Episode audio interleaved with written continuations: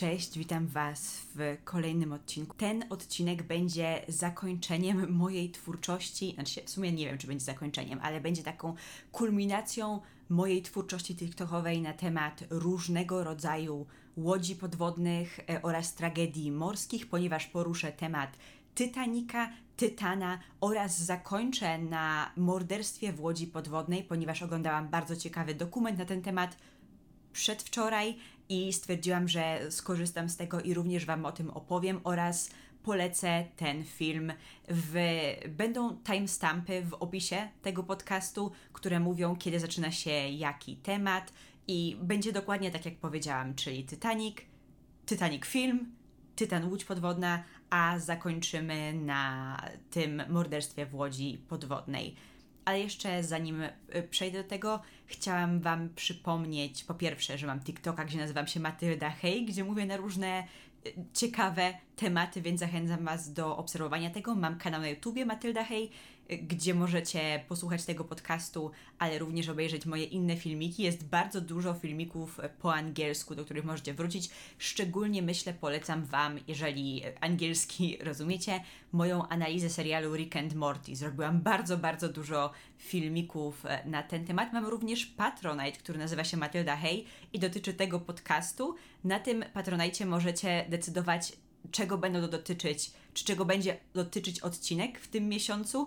Y, jest tam już ktoś zasubskrybowany. Przypominam, żeby sprawdzać skrzynkę mailową, ponieważ tematy do głosowania y, wysyłam w, jako taki formularz Google i w nim głosujecie. I niestety nie było y, głosowania w ostatnim miesiącu, nie zostało zagłosowane, więc tematy na ten miesiąc też wybrałam sama. I zacznę, zanim przejdę do tych łodzi podwodnych, jeszcze wspomnę może o awatarze. Mam film, bo powiesz tak, James Cameron, reżyser Titanica, był ostatnio y, bardzo widoczny w mediach. Avatar, Istota Wody, miał, miał premierę pod koniec zeszłego roku, ale w tym roku James Cameron również miał dużo do powiedzenia i dużo go było w mediach, ponieważ poza byciem reżyserem jest też bardzo kompetentnym i wyedukowanym eksploratorem morskim. To znaczy, między innymi był pierwszym solowym eksploratorem podmorskim, który dosięgnął dna rowu mariańskiego w swoim batyskafie, który się nazywał Deep Sea Challenger. To było w roku bodajże 2012, jeżeli się nie mylę. Mam na, temat, na ten temat TikTok nie będę szczególnie do tego wracać, ale ta cała jego ekspertyza sprawiła, że chciałam wrócić do filmu Avatar i obejrzeć go nowym okiem. I mam ten film w ogóle y, na Blu-rayu, gdzie jest mnóstwo dodatków do tego filmu. I obejrzałam je wszystkie. I było to dla mnie bardzo, bardzo ciekawe, bo w oczywisty sposób najlepszą, największą zaletą filmu Avatar jest nie do końca jego fabuła, tylko bardziej strona wizualna. I pomyślałam, że nie będę się skupiać tylko na technologii, bo kiedy oglądałam go po raz pierwszy, myślałam tylko o tym, jaki to jest, jak dobrze i kompetentnie zrobiona jest animacja, że pomyślę o tym całym rzemiośle, które weszło w awatara. To znaczy, w te, obejrzę go myśląc o tych wszystkich godzinach pracy spędzonych przez twórców na animacji zwierząt, a także przygotowaniach aktorów oraz y, kostiumów. I najciekawszą rzeczą dla mnie było to, że y, nie wiem, czy o tym słyszeliście, też robiłam o tym TikToka, ale wszystkie kostiumy do awatara, wszystkie w ogóle elementy charakteryzacji, które Navi noszą, były wykonane fizycznie, były normalnie y, takie dotykalne i wykonane w skali, tak żeby mogły wejść na człowieka, aby można było zobaczyć, jak każda z tych rzeczy zachowuje się pod wodą. I ogólnie te materiały są bardzo interesujące. Było pokazane, jak skomplikowany był proces animacji zwierząt, szczególnie tych, na których e, nawi podróżują. Jednym z nich jest taki e, drapieżnik przypominający latającą rybę, który w ogóle bardzo naśladuje jej lot po powierzchni. Ja myślałam, że te potwory, które jakby ogonem zostają w wodzie, a e, skrzydłami jakby połowicznie szybują, że ten ogon w wodzie był takim kreatywnym rozwiązaniem. Natomiast nie, to jest po prostu wszystko ukradzione czy wzięte z tych latających ryb, które w ten sposób mogą tak mniej więcej szybować po powierzchni. Było też dla mnie bardzo ciekawe, ponieważ takim jeszcze podmorskim źródłem transportu, środkiem transportu tych wszystkich nawi jest taki stwór, który ma długą szyję jak dinozaur, więc ja w nim widziałam po prostu dinozaura. Okazało się, że całe społeczne zachowanie tego zwierzęcia było wzorowane na delfinie. Ta szyja i głowa rzeczywiście na y, dinozaurze, plezjozaurze bodajże, ale jego ciało było wzorowane na płaszczkach. Także ja teraz jestem ym, znów.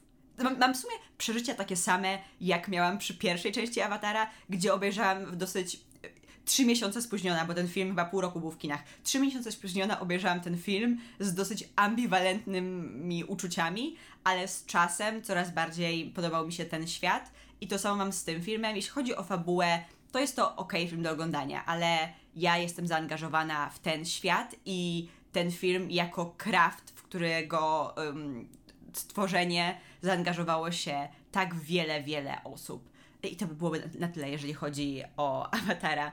I teraz przejdę do omówienia Titanica. To nie będzie tak, że zrobię cały dokument y, na ten temat, ale pomyślałam, że warto omówić, co tak naprawdę się stało. Zatonienie się Titanica miało miejsce w nocy z 14 na 15 kwietnia 1912 roku, czyli przeszło 111 lat temu na Oceanie Północnoatlantyckim, ale zanim przejdziemy do samego zatonięcia tej tragedii, omówmy w ogóle, czym był Titanic i jakie były okoliczności, w jakich powstał, jakie miał znaczenie oraz jak był postrzegany. Otóż Titanic był jednym z trzech statków e, w linii wielkich statków transportowych e, kompanii, która się nazywała White Star Line i jego dwiema siostrami były RMS Olympic i RMS e, Britannic. Wszystkie te statki były bardzo, bardzo do siebie podobne. Można byłoby powiedzieć, że są um, trojaczkami. Ich różnice były dosyć e, kosmetyczne, ale przez e, największą, z tego co rozumiem, wyporność Titanic był uważany za najbardziej takiego, za najbardziej oszałamiający, najlepszy e, i tak dalej. W tym momencie w czasie Statki były uważane za najbezpieczniejszy, najbardziej godny zaufania środek transportu, tak jak teraz są samoloty. To znaczy, w oczywisty sposób są osoby, które boją się latać samolotem, ale statystycznie jest to najbezpieczniejszy środek transportu. Wtedy były nim statki, były również e, szybkie i nadawały się do pokonywania ogromnych dystansów w tym czasie również był taki wyścig pomiędzy różnymi firmami, które e, produkowały te wielkie transportowce, jeżeli chodzi o tempo, to znaczy o prędkość statków i to, jak szybko one mogły się poruszać. I White Star, White Star Line z tymi swoimi trzema statkami zdecydowało się iść nie w kierunku szybkości, to znaczy tak, zmaksymalizować szybkość, ale nie kosztem jakości. White Star Line wiedziało, że te statki nie będą najszybsze na świecie, więc stwierdzili, że zainwestują w luksus. I te statki miały być synonimem luksusu, to znaczy w klasie pierwszej te statki miały przypominać najbardziej eleganckie hotele. Na Titanicu była w ogóle taka kafejka paryska, na przykład z takimi wyklinowymi siedzeniami. E, był e, basen, z tego co wiem, ze słoną wodą oraz wiele różnych e, niesamowitych atrakcji, które byłyby normalne w luksusowych hotelach, sala balowa i tak dalej. Ale oprócz tej klasy pierwszej była również E, klasa druga oraz klasa trzecia. W ogóle punktem odniesienia dla osób projektujących Titanic był e, hotel e, Ritz i to pełna suma pasażerów, których Titanic mógł unieść, to było 2453, 2400, 2453 pasażerów w pierwszej, drugiej oraz trzeciej klasie. Warunki drugiej klasy również były całkiem niezłe, ale tak naprawdę nawet trzecia klasa była w pełni zadowolona ze, z komfortu, jaki miała podczas podróży tym statkiem. To były bardzo naprawdę luksusowe luksusowe okręty. Nie mówię, że w trzeciej klasie były luksusy, tylko że po prostu standard był absolutnie akceptowalny i nie było na co narzekać. Podczas swojego pierwszego oraz finałowego rejsu z tym tragicznym końcem, który miał prowadzić z Southampton w Anglii do Nowego Jorku, było na pokładzie 1320 pasażerów oraz ponad 800, prawie 900 osób obsługi, 892 osoby obsługi, ale trzeba pamiętać, że cała ta obsługa nie była przeznaczona do obsługi pasażerów, to był również transportowiec przewożący e, różnego rodzaju ładunek. I to też nie był szczytowy sezon, że można było się spodziewać pełnego załadunku tego statku. Ostatnia podróż Titanica była również jego pierwszą podróżą i zgodnie z planem statek wyruszył 10 kwietnia z Southampton, także 14 kwietnia w dniu tragedii znajdował się na Oceanie Północnoatlantyckim i tego samego dnia otrzymano na pokładzie sześć ostrzeżeń od innych statków na temat gór lodowych czy innych lodowców unoszących się na powierzchni morza. W tamtym czasie nawigacja statków była nieco bardziej skomplikowana albo na odwrót prostsza, ponieważ było mniej narzędzi pozwalających na stwierdzenie, yy, jaka jest sytuacja. Polegano praktycznie kompletnie na zdolnościach obserwacyjnych załogi, która była na najwyższym pokładzie i miała za zadanie wypatrywanie potencjalnych przedmiotów kolizji. Ponadto jeszcze była taka ciekawostka, że na pokładzie Titanica zabrakło lornetki, która pozwoliłaby patrzeć się w dal z powodu jakiegoś zamieszania, ale to tak naprawdę nie, nikogo by nie uratowało, ponieważ widoczność w nocy, kiedy doszło do tragedii, była praktycznie zerowa. Morze było wyjątkowo bardzo, bardzo spokojne i nie widać było praktycznie niczego. Także będąc po prostu kierując się wprost na górę lodową, Titanic, załoga Titanica jej nie widziała. Spróbowano odkręcić się, to znaczy zmienić kurs, jednak Titanic i tak otarł się o powierzchnię góry lodowej, co tak naprawdę mogło ciężko spekulować, ale mogło to mieć bardziej negatywny y, wpływ na statek niż y, zderzenie czołowe ponieważ Titanic był w pewien sposób na zderzenie czołowe przygotowany. Titanic był podzielony na kilka grodzi wodoszczelnych, to znaczy były takie w nim e, części, gdzie można było je e, zamknąć i odizolować, tak że ich zalanie nie, nie spowodowałoby zatopienia statku. I Titanic mógł funkcjonować dalej przy zalaniu bodajże czterech grodzi wodoszczelnych, ale też właśnie zderzenie miało być czołowe. Titanic natomiast otarł się o tę górę lodową e, bokiem, czym kadłub się rozdarł i woda zaczęła się wdzierać do wewnątrz. Znalazłam także informacje w filmiku na temat ym, Tytana Łodzi Podwodnej. Był, było odniesienie do Titanika jako statku, który y, zatonął, a propos tych właśnie grodzi wodoszczelnych, że miały one ym, fatalny błąd w konstrukcji, gdzie ym, gdzie mimo, że konstrukcja tych grodzi była rzeczywiście wodoszczelna, to woda mogła się przedostać z nad jednej do drugiej, to znaczy mogła dostać się górą i przelać, co było szczególnie fatalne w momencie, kiedy e, statek zaczął się pochylać do przodu, co też zaczął robić e, zaraz po kolizji. Statek ogólnie przychylił się e, do przodu, w pewnym momencie złamał pod wpływem napięcia, także pierwsza połowa zatonęła przed drugą połową.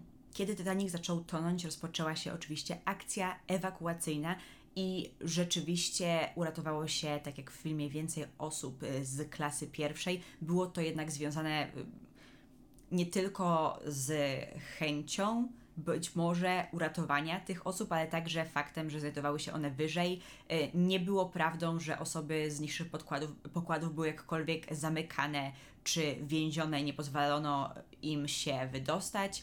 Natomiast im wyżej, tym bliżej było do ucieczki i też ogólnie szalup y, ratunkowych było mniej niż pasażerów, jednak standardy tamtych czasów wymagały, ponieważ statki były tak bezpieczne, że szalup powinno starczyć tylko dla pewnej części pasażerów, ponieważ prawdopodobieństwo katastrofy było tak niskie, że nie wymagano, aby tych miejsc sta starczyło dla wszystkich. Katastrofa Titanica była jednym z powodów, dla których te standardy zostały zmienione i teraz tych szalup ratunkowych, tych miejsc powinno starczyć dla każdego. Podczas ewakuacji w ramach konwenansu rzeczywiście priorytetyzowano kobiety i dzieci, jednak w zależności od, w zależności od tego, kto prowadził ewakuację do danej szalupy, rozumiano ten rozkaz czy ten konwenans inaczej. Niektórzy jeżeli takie kobiety były, to znaczy kobiety były prowadzone razem z dziećmi do szalup najpierw,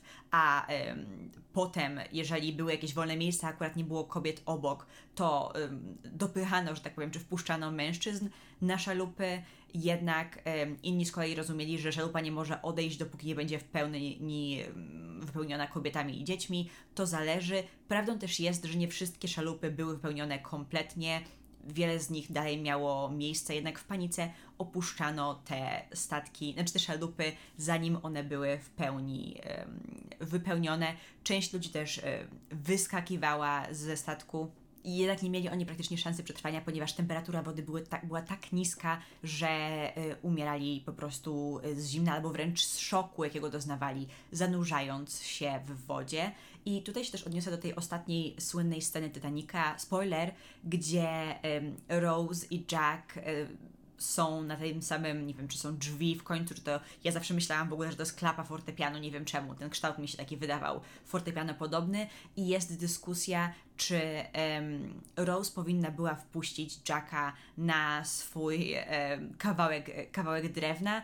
Ja to zawsze rozumiałam tak, że on zdecydował się nie wejść na to, ponieważ na to drewno, ponieważ rozumiał, że nawet jeżeli nie, nie znał tego terminu, że wyporność tego drewna nie jest wystarczająco duża, żeby oboje utrzymali się nad powierzchnią wody, dryfując na tym kawałku. Także gdyby on się koło niej położył, to oboje by umarli, nie topiąc się, tylko po prostu z zimna, ponieważ znaleźliby się częściowo pod wodą. Pod wodą I tak woda po prostu przecież lała się, to znaczy zalewała trochę e, powierzchnię tego, kiedy Rose leżała na powierzchni tego kawałka drewna. Także według mnie e, w oczywisty sposób nie było szansy, żeby oni współdzielili to drewno. To jest mój hot take, jeżeli chodzi o Titanic, także on się dla niej po prostu mniej lub bardziej celowo poświęcił, bo nie było szansy, że oni razem przetrwają. Ona i tak już była przecież maksymalnie wyziębiona w momencie, kiedy ją odnaleziono. Ogólnie rzecz biorąc, z Titanica uratowało się 706 osób.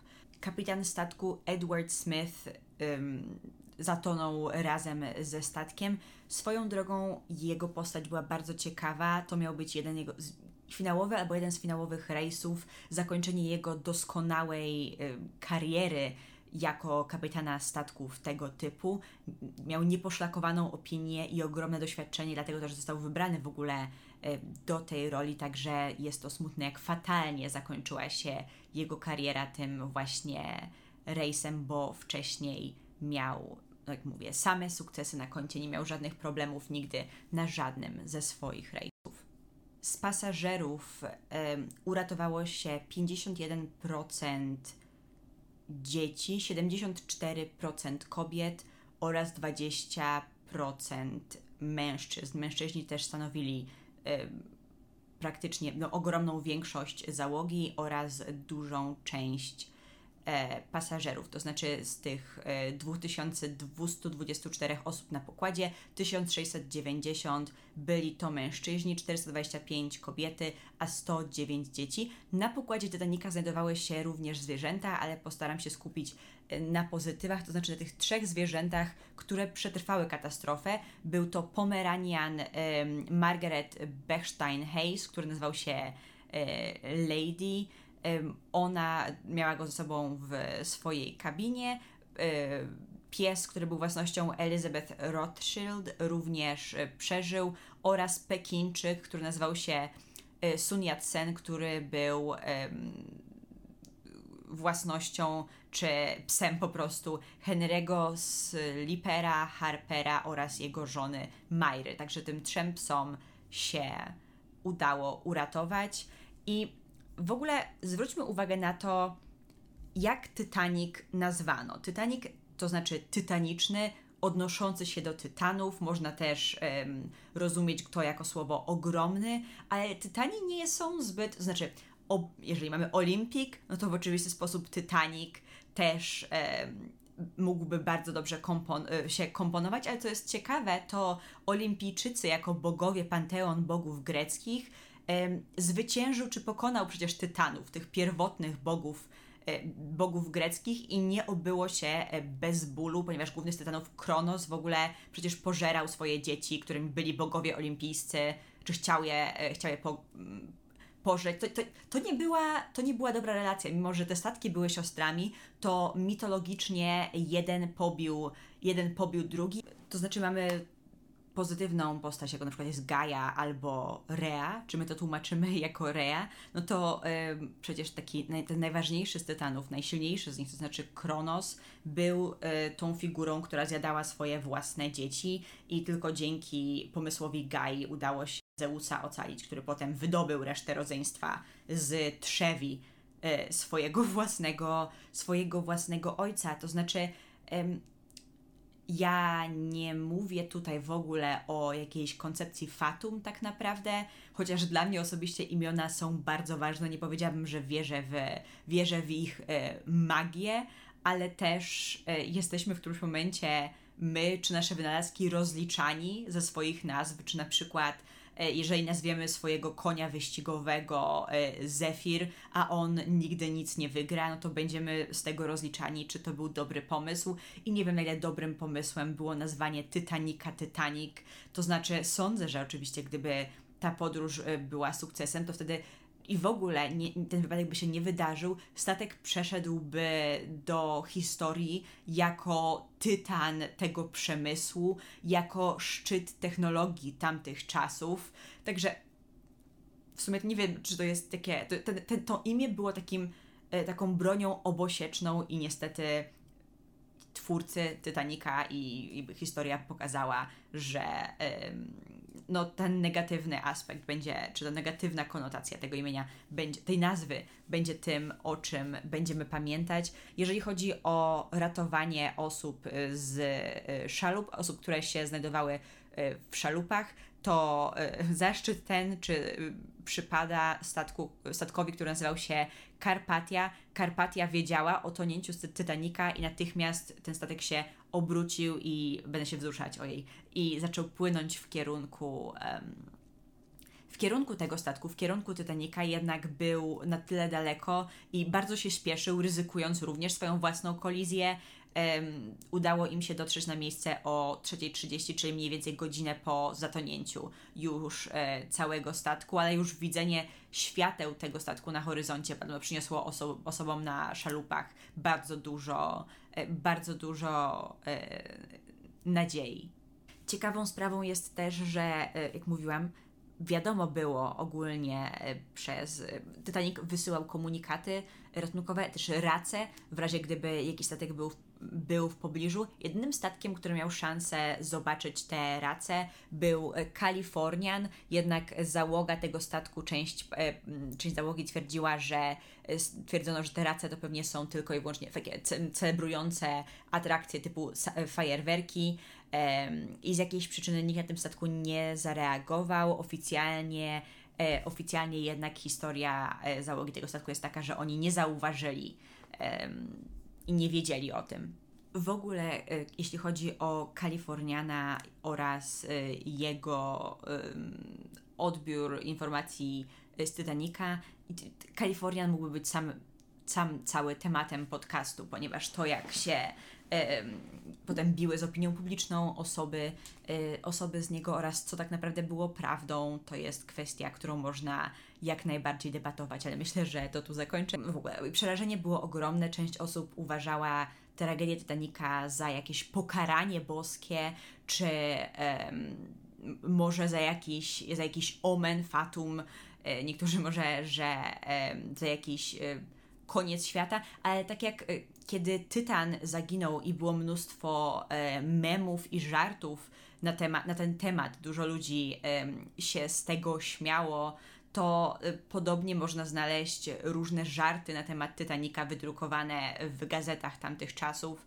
ponieważ część ludzi miała poczucie humoru na temat w jakiś sposób tej tragedii. Ona wielu, osób się, wielu osobom się wydawała e, nierealistyczna, ale też przez to, że Titanic miał e, Słynął z tego luksusu, z tej klasy pierwszej i em, też był ten, no jakby wie, większość osób, która przetrwała też pochodziła z tych e, wyższych, uratowała się z tych wyższych klas. Część osób w ogóle uznała tę tragedię za taki e, przejaw e, właśnie waloryzacji osób z wyższych klas, więc e, zatonięcie i zginięcie części z nich w jakiś sposób no było może właśnie, nie wiem, od- ode, odegraniem się, czy ciężko to szczerze mówiąc interpretować, bo sytuacja nie jest tak klarowna jak, czy nie jest taka jednoznaczna jak sytuacja pięciu em, bogatych osób, do tego wrócę,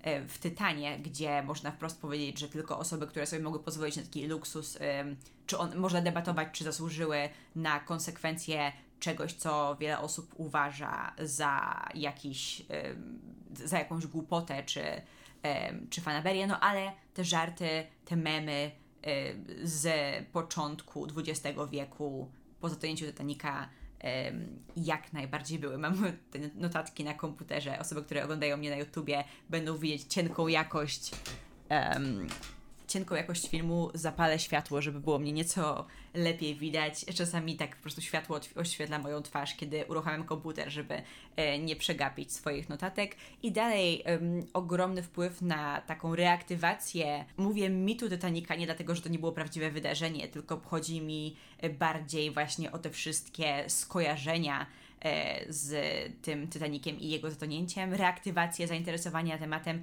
Em, oczywiście na to wpływ miał Titanic Jamesa Camerona, który bardzo, bardzo długo był największym sukcesem box office'owym, jeżeli chodzi o filmy w historii. Potem został pobity przez inny film Camerona, to znaczy Awatara. Sam Titanic powstał w roku, wyszedł w roku 97, a opowiada dwie, dwie równoległe historie. Historie em, osób, które chcą na, wyłowić z Titanica, z tego zatoniętego statku, em, klejnot, to znaczy serce oceanu, a z drugiej strony historię miłości między e, Rose a Jackiem, dwoma pasażerami statku Titanic.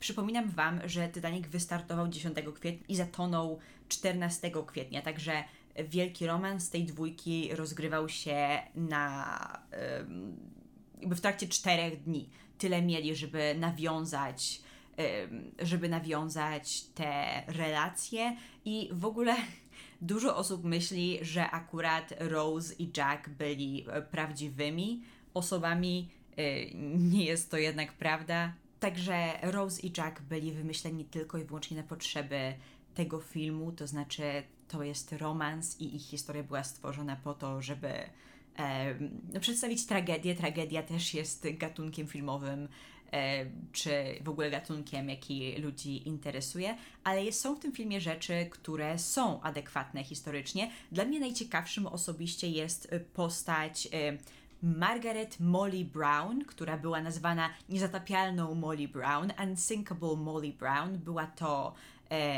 bogata kobieta z pierwszej klasy Titanica, która e, przetrwała i wylądowała w szalupie numer 6 i przejęła kontrolę nad szalupą numer 6, tak żeby pomóc, czy zachęcała do ym, innych pas- współpasażerów swojej szalupy do powrotu i ratowania większej ilości osób. Jest generalnie jedną z osób widzianych jako ym, jakby z, z bohaterek, jeżeli chodzi o historię Titanica, także interesujące jest dla mnie, że y, ją wspomniano i pokazano, jest pokazana scena właśnie jak ona na tej ym, szalupie stara się pomóc innym.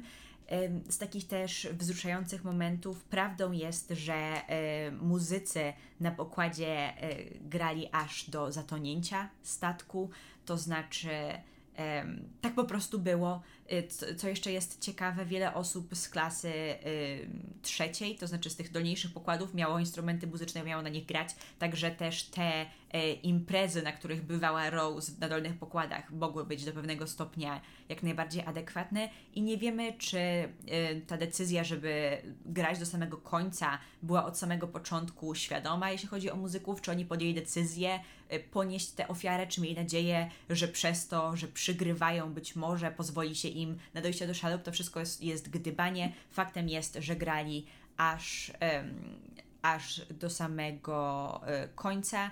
Też, co jeszcze mogę powiedzieć, chodzi o adekwatne historycznie sytuacje, no kapitan zatonął, zatonął razem z, ze statkiem. Dużo jest tak naprawdę osób, e, historycznych postaci w samym filmie. Z jedną z najważniejszych rzeczy czy może nawet najważniejszą rzeczą dla mnie, jeżeli chodzi o nieadekwatne historycznie rzeczy w filmie, to w filmie jest swego rodzaju złoczyńca, pierwszy oficer Will Murdoch, Will Murdoch. Jest on prawdziwą postacią i w filmie jest pokazany właśnie jako złoczyńca i strzela do, do kilku osób, a w rzeczywistości był odpowiedzialny za e, doprowadzenie do, ewa do ewakuacji um, kilku szalup, szalup, czyli po prostu był bohaterem, który pomógł wielu osobom się ewakuować i to, jak jego postać była pokazana, spotkało się z negatywnym odzewem ze strony części publiczności, szczególnie tej, która wiedziała i znała te tę historię, więc w ogóle wytwórnia 20th Century Fox wysłała delegację do rodziny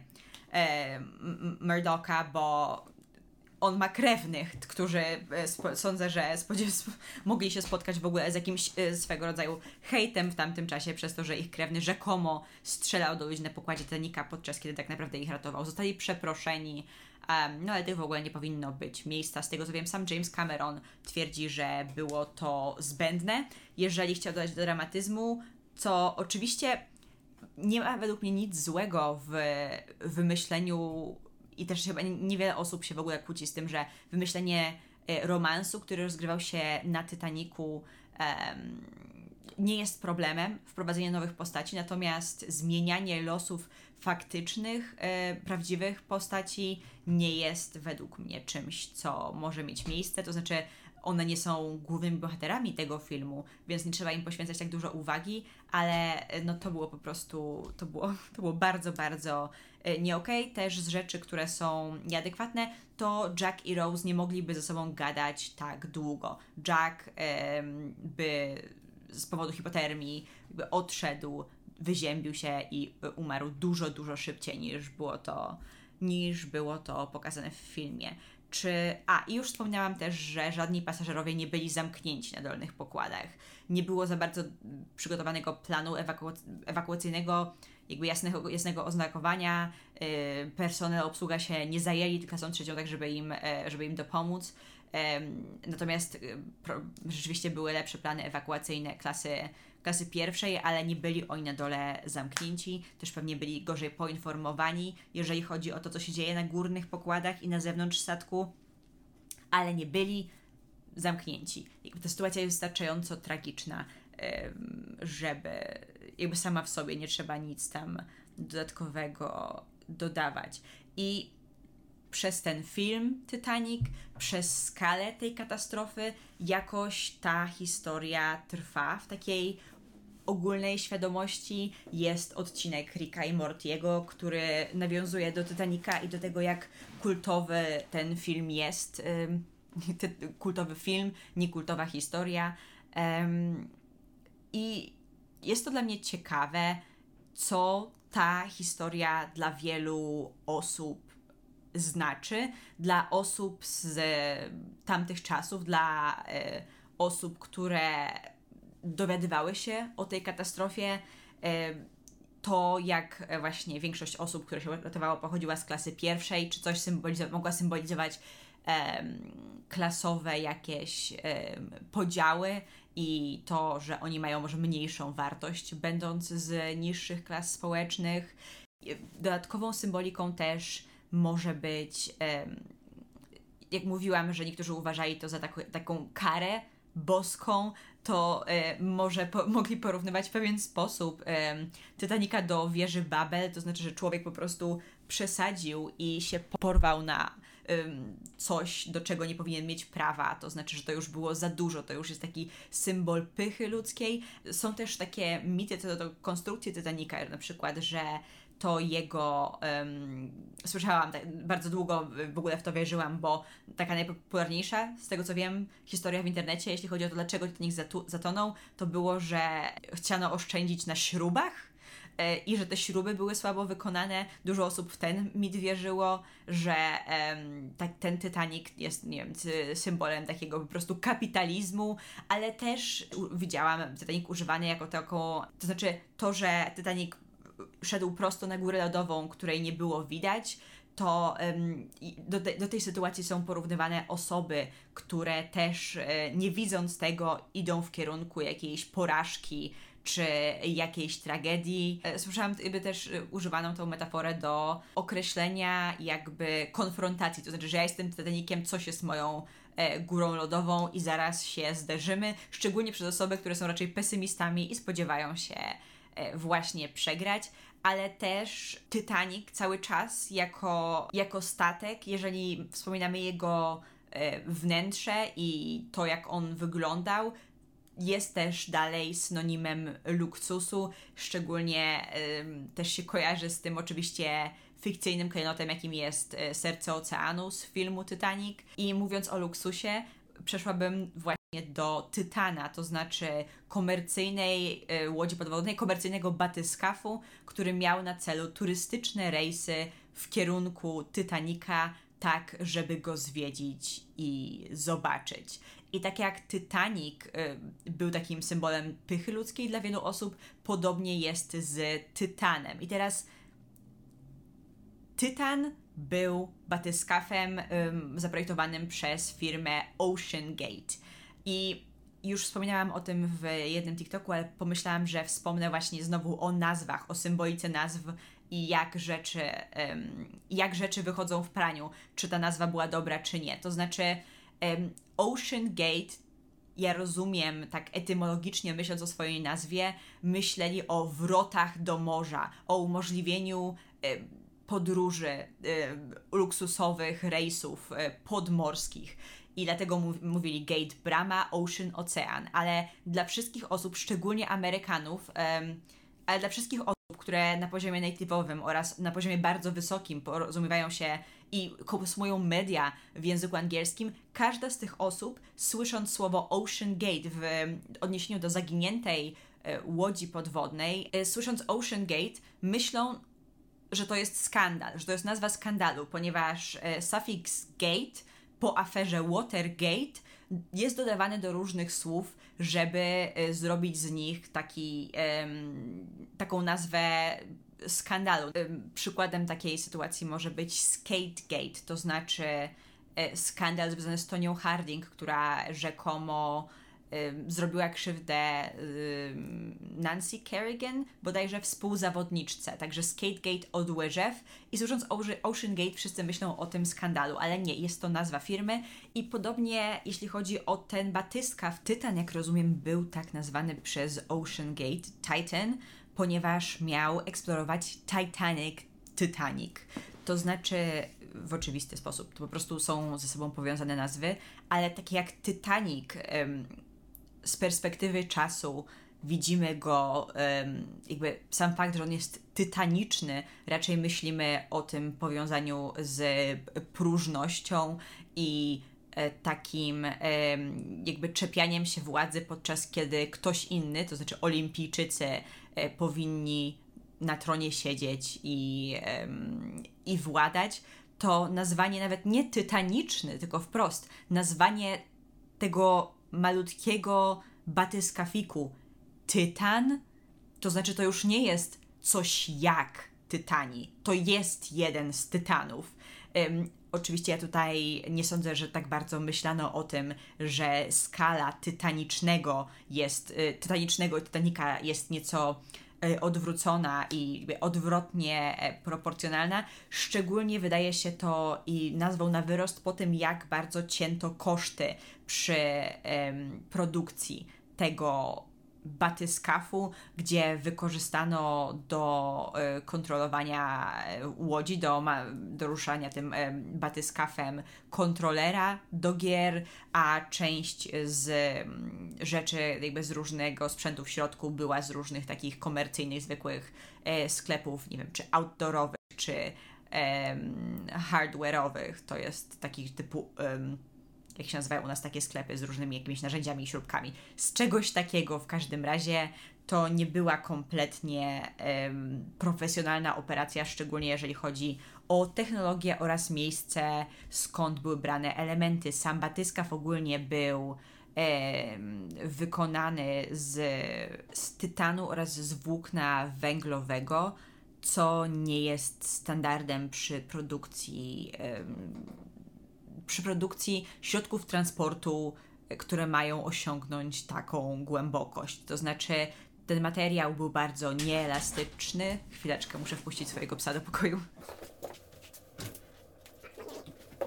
Był e, nieelastyczny, więc e, się też szybciej zużywał w trakcie eksploracji i sto, znalazłam informację, że podobno w 2021 roku ten batyskaw dokonał, był na pięciu wycieczkach, z czego rozumiem jedna nie była e, sukcesem, się nie zakończyła, e, oraz pięciu w roku 2022, gdzie utknął w, w trakcie jednej z nich na dnie, ale pasażerowie i tak uznali tę wycieczkę za sukces, mimo że utknęli na dole na jakiś czas, ponieważ było to dla nich niezapomniane doświadczenie i um, ten ostatni rejs, który miał miejsce 18 czerwca 2023, czyli tego roku, był pierwszym rejsem w tym roku. I tego 18 czerwca doszło do implozji batyskafu z jego pięcioma pasażerami na pokładzie, to znaczy Stocktonem Rushem, właścicielem firmy Ocean Gate, który był też pilotem statku, specjalistą od Titanica, to znaczy e, Paul-Henri Narjolet, a trzech właściwych pasażerów byli to bardzo bogaci Hamish Harding, Shahzada Dawood oraz jego um, młody nastoletni syn Suleiman Dawood. Także oni wszyscy zginęli w trakcie tej implozji. Tą tragedią żyło wiele osób i chciałam troszkę porównać reakcję właśnie y, osób współczesnych Titanicowi i teraz nas współczesnych temu Tytanowi. To znaczy w oczywisty sposób Titanic był ogromną tra tragedią, osobistą dla wielu, dla wielu, wielu rodzin. Zginęło jednak w tej tragedii ponad tysiąc osób. I dużo osób to jednak przeżyło emocjonalnie, mimo że powstały też. E, no, to, to jednak była, była tragedia. To była, to była osobista, intymna tragedia dla wielu, wielu osób i mnóstwo osób z tym empatyzowało, mimo że też część osób współczesnych widziała w tym jakiś symbolizm, czy y, krytykowała White Star Line, tą firmę, y, która była właścicielem i konstruktorem tego, y, tego statku. Jednak to było, jakby reakcja była, to są dwie, to są dwie inne rzeczy, ale zmierzam do tego, że ta implozja Tytana przez wiele osób była uważana za jakąś w jakiś sposób komiczną, ponieważ te wszystkie osoby, które znajdowały się na pokładzie Titanica, po prostu wyruszyły w podróż i chciały gdzieś dotrzeć, podczas kiedy obiektywnie pasażerowie Tytana mieli na celu tylko i wyłącznie turystyczną e, wycieczkę na pokład statku, którego nikomu prawie nikomu z normalnym budżetem nie jest dane zobaczyć. Bilety na ten statek kosztowały 250 e, tysięcy dolarów, z tego co pamiętam, bilet na rejs, żeby zobaczyć Titanica, który spoczywa na dnie. Więc była to po prostu taka zachcianka. I dużo też widziałam takich właśnie komentarzy na temat tego, że ciężko jest empatyzować z osobami, które E, podejmują takie decyzje, podejmują takie tego rodzaju ryzyko, ponieważ to nawet nie była misja w jakiś sposób naukowa czy eksploracyjna, tylko i wyłącznie taka misja, misja, to, była po prostu, to był po prostu rejs turystyczny.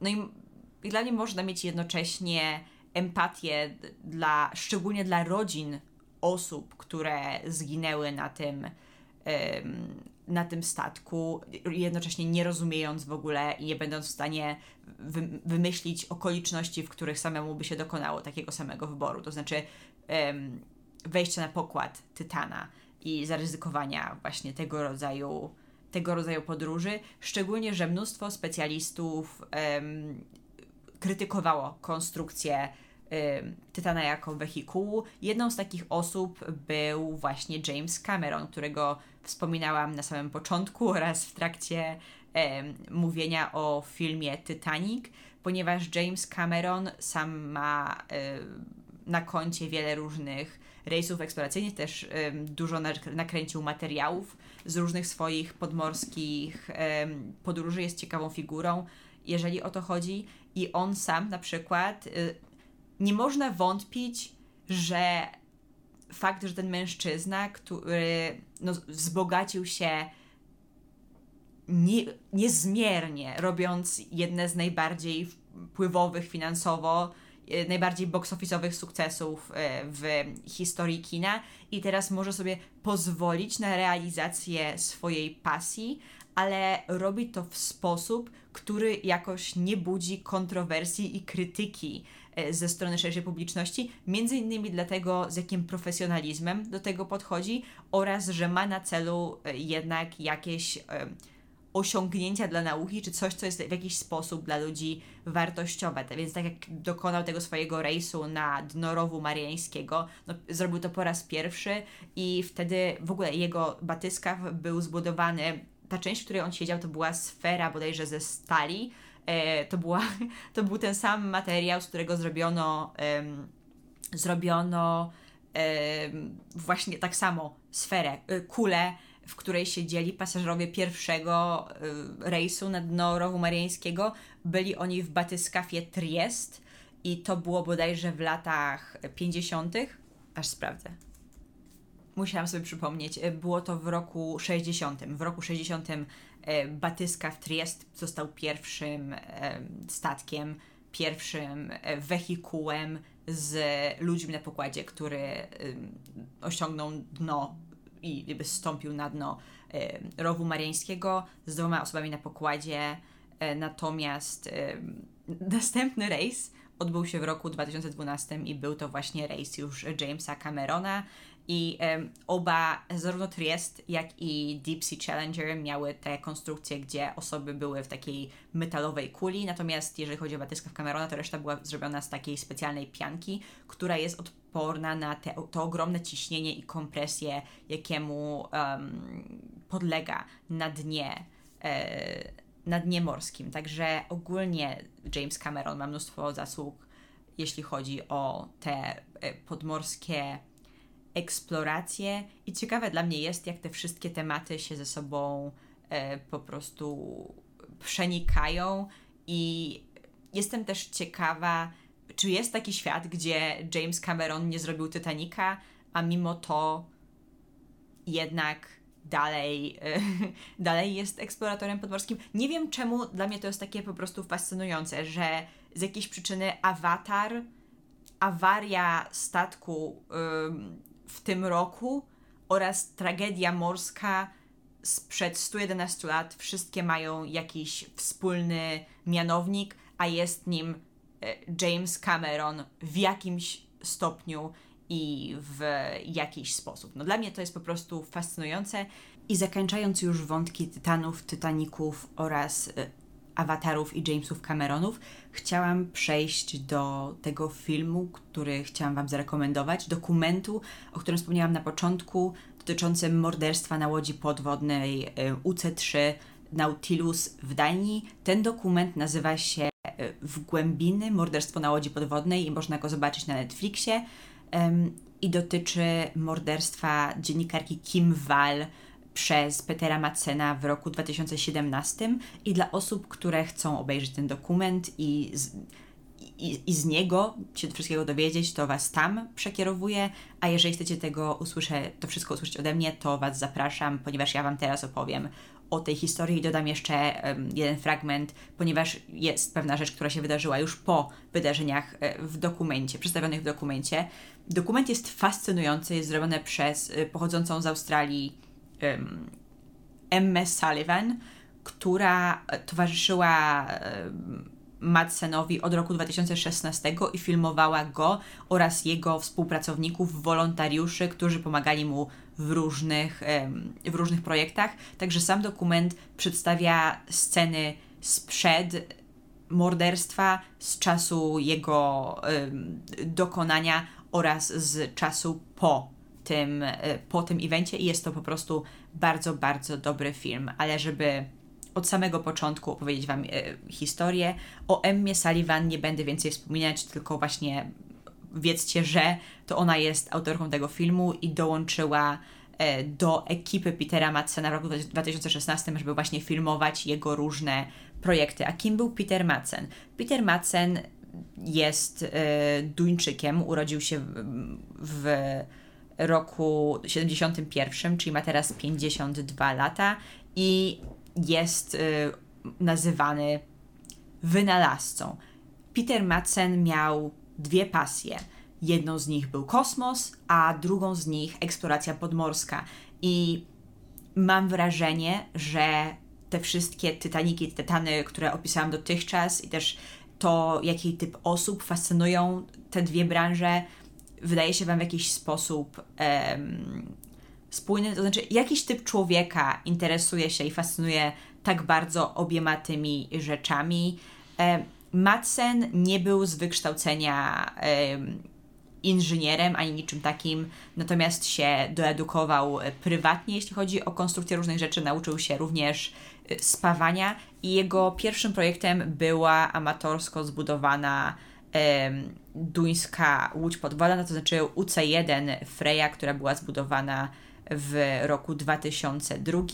Później była UC2 Kraka, a następnie z 2005 roku oraz Nautilus. W roku 2008 rozpoczął projekt um, Copenhagen y, Suborbitals. Była to firma, która miała na celu umożliwić mu zbudowanie prywatnej rakiety i eksploracji kosmosu. On nie był bogaczem, wszystkie jego projekty były w jakiś sposób e, ufundowane przez ludzi crowdfundingowo, dostawał wsparcie e, zewnętrzne. Jego współpracownikiem przy Copenhagen Suborbitals był e, Christine von Bengtsson, to był taki architekt oraz towarzyszyło mu mnóstwo wolontariuszy, mnóstwo osób wierzyło w jego charyzmę i urok osobisty i chciało mu towarzyszyć przy jego różnych, różnego rodzaju projektach.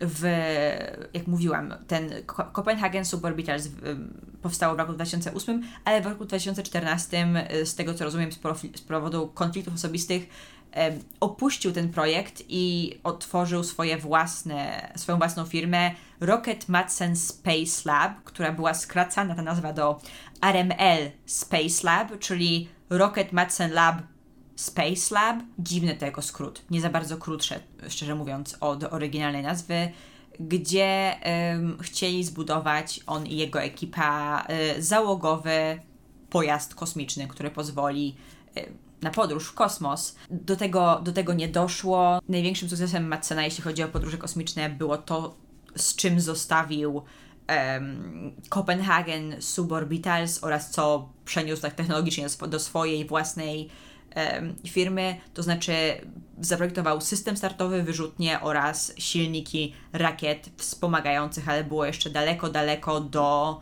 um, możliwości wystartowania tym tym statkiem. Mimo to wiele osób, skończyło im się pieniądze długo, długo przed startem tego y, statku, jednak wiele osób dalej mu przy tym towarzyszyło i oglądając dokument, o którym wspominałam, widzimy jak wiele osób na początku w niego w jakiś sposób wierzyło. I teraz łódź podwodna, to znaczy UC-3 Nautilus była gotowa już od jakiegoś momentu i 11 kwietnia, nie wiem czy mi się nie pomieszało i wcześniej nie powiedziałam w tym podcaście, że e, Nautilus był zrobiony w okolicach tego roku 2017, kiedy doszło do morderstwa, jednak ten projekt był zakończony w roku 2008, czyli e, Nautilus był już sprawnym wehikułem podmorskim przez 9 lat w momencie morderstwa i był takim zakończeniem e, kariery podmorskiej Madsena i początkiem jego kariery, jego kariery kosmicznej w tym um, dokumencie to wygląda tak, jakby ta łódź podwodna była jakoś szczególnie bardzo istotna i była używana, ponieważ start rakiety, do którego nie doszło, miał mieć miejsce z morza, to oni czasami płynęli tam w ogóle, no tą łodzią podwodną, tylko że utrzymującą się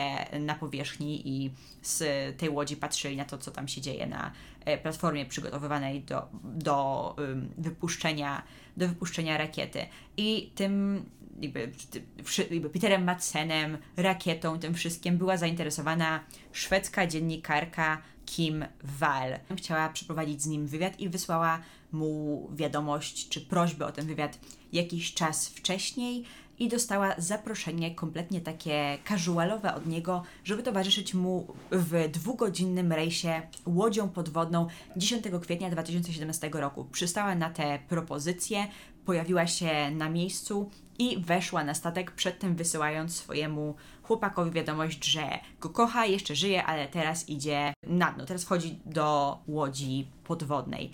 I to był ostatni moment, kiedy usłyszano cokolwiek od Kim, ponieważ następnego dnia, 11 kwietnia, na y, uszkodzonej łodzi podwodnej odnaleziono samego Madsena, który powiedział, że wysadził ją wcześniej na wyspie Refsel-Uten samą, ponieważ ona go o to poprosiła i odpłynął, odpłynął sam. To znaczy wysadził ją po prostu wcześniej. Jednak nie można było jej w dalszym ciągu znaleźć. Rozpoczęły się, e, rozpoczęły się poszukiwania, a krótko potem znaleziono przy brzegu tors kobiety, który za pomocą DNA zidentyfikowano, że był to tors właśnie Kim Wall. Peter Madsen dźgnął ten tors wielokrotnie, żeby ulotnić gazy, m.in. z płuc, tak, oraz przyczepił metal do tego torsu, aby on zatonął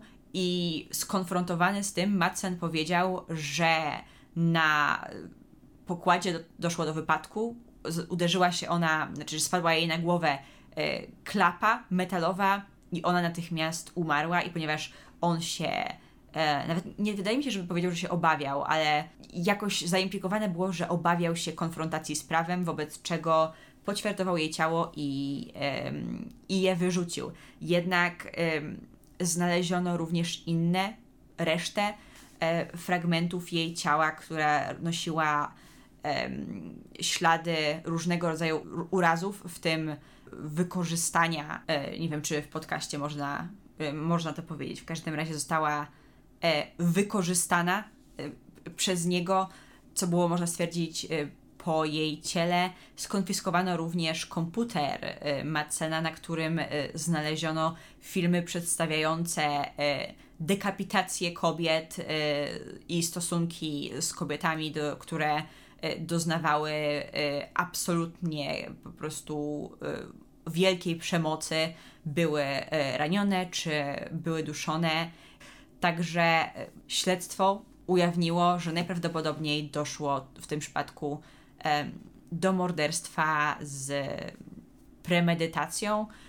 Lekarze postawili mu diagnozę bycia e, po prostu e, narcystycznym psychopatą, pozbawionym empatii. W dokumencie jest też jeden fascynujący, e, fascynujący fragment, gdzie Peter Madsen wypowiada się bodajże o swoim wspólniku, tym architekcie, duńskim architekcie, który razem z nim założył Copenhagen Super, Suborbitals i wspomina o tym, że wśród ludzi są psychopaci i najprawdopodobniej my nie zdajemy sobie z tego sprawy, a oni sobie chodzą między nami i mogą robić nam krzywdę. Wracając jednak do procesu, y, przypominam, że pierwsza historia Madsena była taka, że ją wysadził na wyspie. Następnie powiedział, że umarła y, w wyniku um, obrażenia um, czaszki, jednak um, na jej czaszce nie znaleziono żadnego tego typu, tego typu obrażeń. Potem powiedział, że w ogóle zatruła się